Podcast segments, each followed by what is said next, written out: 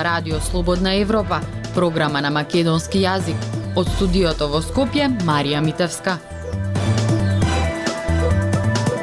Почитувани, гостин во неделното интервју на Радио Слободна Европа е директорот на Генералниот секретаријат на ЦЕФТА Емир Джикич. Со него разговаравме која е разликата измеѓу ЦЕФТА, кој е договор за слободна трговија и поблиска економска соработка, и иницијативата Отворен Балкан, која впрочем ја има истата цел. Ако се земе предвид дека Отворен Балкан најде на неодобрување кај црногорската јавност и има поделености во босанското општество, тогаш има ли воопшто иднина ваквата иницијатива? Секогаш политиката имала влијание врз економијата и економијата врз политиката, така што тоа не е ништо невообичаено, вели Джикич во еден од одговорите.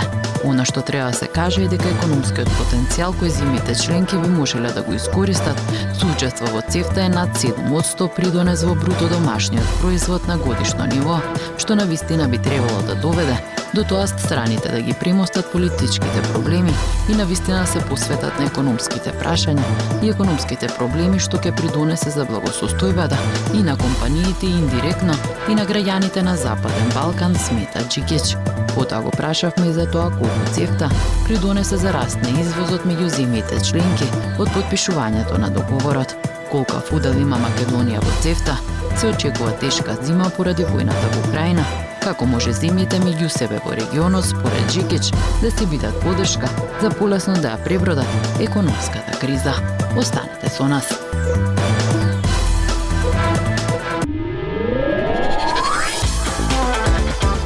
Сакате да знаете повеќе? Наша веб страница slobodnaevropa.mk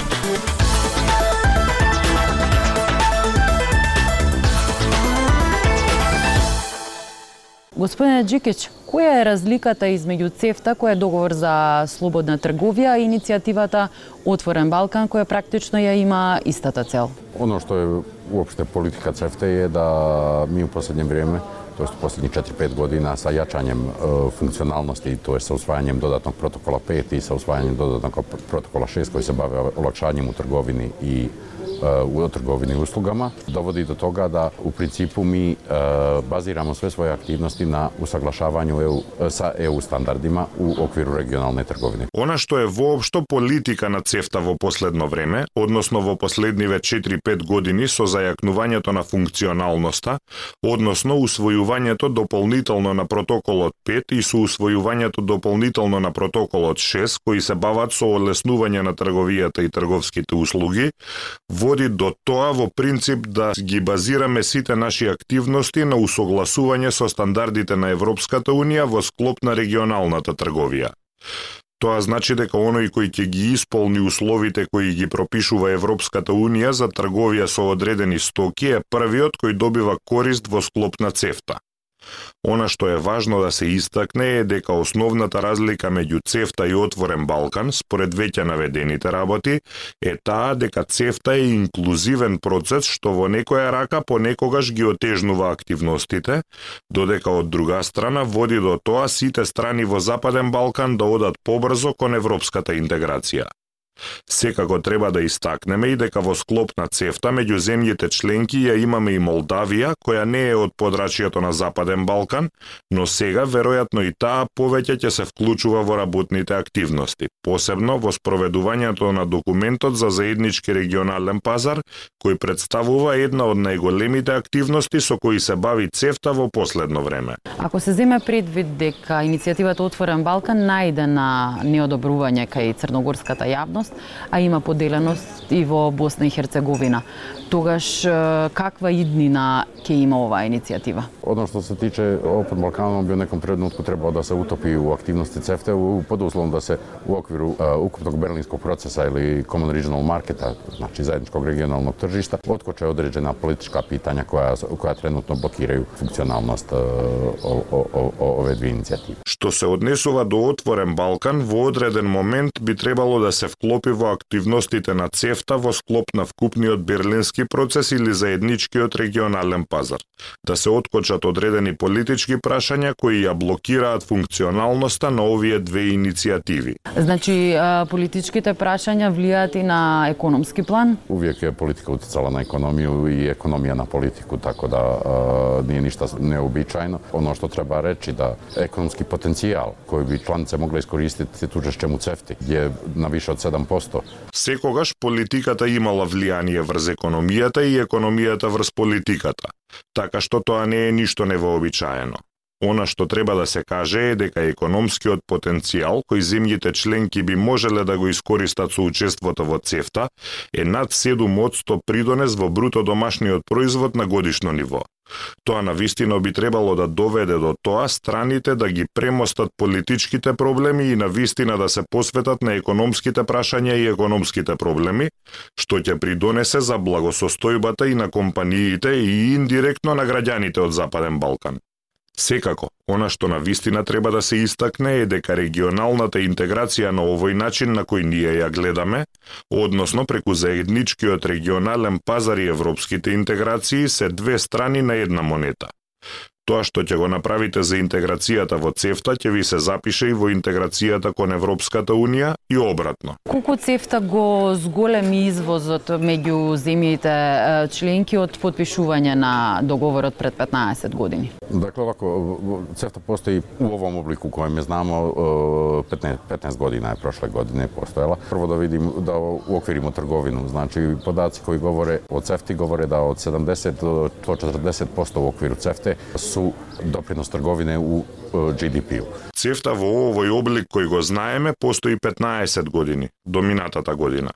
Податоците во однос на трговијата говорат дека од 70 до 140% во склоп на цефта е придонесот на трговијата во бруто домашниот производ, што значи да речеме дека некоја средна вредност е од прилика околу 100%, што е повеќе во однос на Европската Унија која има 92% во рамки на бруто домашниот производ, но е помал од земјите од Централна и Источна Европа каде трговијата влијае со до 120% во рамки на бруто домашниот производ.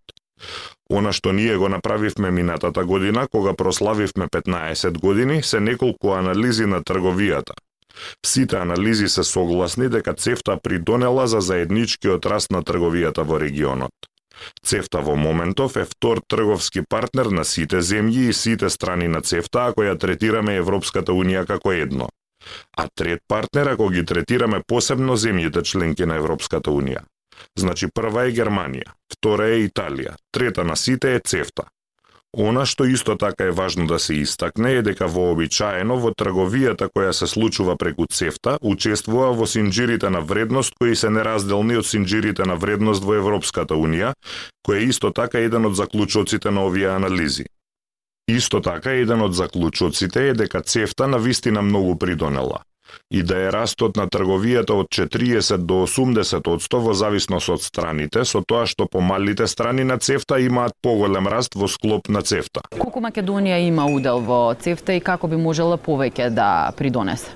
Тачно, заиста не знам тачен податок за, за Северна Македонија, а, али у принципу едноставно исполнявање реформи е, и исполнявање обавеза кои се преузете цефтом ја доводи до тога да се олакшавају олакшава приступ и европском тржишту и да а, производачи кои за сад извозат само на регионално тржиште кроз активности цефте че и појачат извоз на регионално тржиште као и добити могуćности стече могуќности извоза према ЕУ. На вистина не ги знам точно податоците за Северна Македонија, но во принцип едноставно исполнување на реформите и исполнување на обврските кои се преземени со членството во ЦЕФТА доведува доведува до тоа да се олеснува и пристапот до европскиот пазар и производителите кои засега имаат извоз само на регионалниот пазар, низ активностите на ЦЕФТА ќе го зајакнат и извозот на регионалниот пазар, а ќе добијат и можност за извоз и во Европската Унија.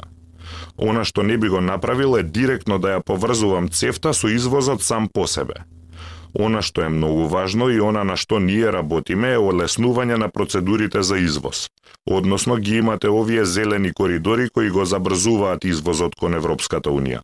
Со оглед на фактот што Македонија е земјоделска земја, тоа е многу важно, посебно за извоз на вакви лесно расипливи производи. И доколку чекањата на граница се подолги, едноставно производите се расипуваат и на крајот стигнуваат помалку од нив. Тоа влијае. Исто така во областа на трговијата со услуги и е-комерц каде Македонија е многу развиена. Односно, Македонската асоциација за е-трговија е многу развиена и би можела да се стекне со одредени бенефиции во рамки на регионот и во рамки на самиот е-комерц во наредниот период, доколку се разбира се усвојат одлуките и започнат да се спроведуваат со цел одредени фирми кои се бават со е-комерц да можат да излезат на пазарот на земјите од регионот, што за сега не е случај. Се очекува тешка зима поради војната во Украина како земјите од регионот можат меѓусебно а, да си помогнат за полесно да пребродат економската криза? У принципу све земје региона, како што смо видели на небројни примери, до сад када доđe до криза, свих се шест страна чланица ЗЕФТЕ Западnog Балкана помажу едни другима у периоду кризе. Оно што е битно нагласити да ќе криза бити не само у оквиру земја Балкана, него се очекува да ќе криза погодити јако целу Европску унију. Во принцип, сите земји од регионот, како што видовме во неброени примери досега, кога дојде до криза, сите шест земји членки на цефта од Западен Балкан си помагаат едни на други во период на криза. Она што е важно да се истакне е дека кризата нема да биде само во рамки на Балканот, туку се очекува дека кризата силно ќе погоди целата Европска Унија. Одговорот на кризата би бил едноставен што повеќе да се интегрира пазарот на Западниот Балкан, бидејќи поголема група полесно ќе ја поднесе кризата, како што се случува и во Европската Унија. Слушнавме дека одредени активности се преземени на ниво на Европска Унија, односно дека земјите од Западен Балкан се вклучени или во набавките на храна и заеднички енергетски политики на Европската Унија, и тоа е еден од начините со кои исто така со дополнителната интеграција на регионот постои можност за полесно да се преброди кризата. Што ќе значи зголемената инфлација а, за побрувачката и трговијата меѓу земјите во регионот? Оно што видимо повечана инфлација прати едноставно прати повечану инфлацију и у еврозони. Оно што се дешава имамо огромен раст цена, и дали ќе тоа донети предност оним оним странама кои не се везане на евро, па ќе мочи лакше извозити ако биде веќе инфлаторни шокова. Од она што може да видиме е дека зголемената инфлација едноставно ја следи зголемената инфлација и во еврозоната. Она што се случува е да имаме огромен раст на цените. Дали тоа ќе им донесе предност на оние страни кои не се врзани со еврото, па ќе може полесно да извезуваат доколку има поголеми инфлаторни шокови, тоа останува да видиме. Но тоа на вистина би требало некој финансиски експерт да го анализира. Ние сме трговци, а финансискиот дел би требало да го анализира некој друг. Клучните достигнувања според ЦЕФТА договорот за 2021 година кој ги презентираше Джикич на 15 годишнината од подпишувањето на договорот се промена на правилата за потекло на стоките, што влијаеше на поголема флексибилност и донесе дополнителни придобивки за стопанството. Завршена е одлуката за електронска трговија во рамки на ЦЕФТА. Одлуки за признавање на програми за ОЕО и професионални квалификации, кои се согласени на експертско ниво. Постигнат е значителен напредок во преговорите поврзани со дополнителен протокол 7, кој е механизам за решавање спорови и одлука за остранување на работните дозволи за лицата кои нудат услуги и трансфери натре во компанијата. Зелените ленти се проширени на сите премини во рамки на ЦЕФТА, што возможи побрз и побезбеден проток на основните стоки. Отворен е нов портал на кој се прикажуваат податоците поврзани со зелените ленти и време на чекање на премините, што ќе придонесе за уште подобра контрола на трговските политики. Започнат е диалог за проширување на иницијативата и на соседните земји членки на Европската Унија. Лансирана е платформата за електронска размена на податоци. SEED Plus, ќе ја подржи размената на сертификати необходни за премина стоки, како што се електронските сертификати, со цел да се воспостави трговија без хартија, Исто така, СИД Плюс ке придонесе за побрза размена на податоци од неусогласени пратки за земјоделски производи со цел целосна заштита на потрошувачите. Спроведени се три пилот проекти на заеднички царински активности поврзани со празни камиони, нелегална трговија со тутун и трговска марка, за интелектуална собственост како чекор кон воспоставување на стратегијата за управување со царински ризик.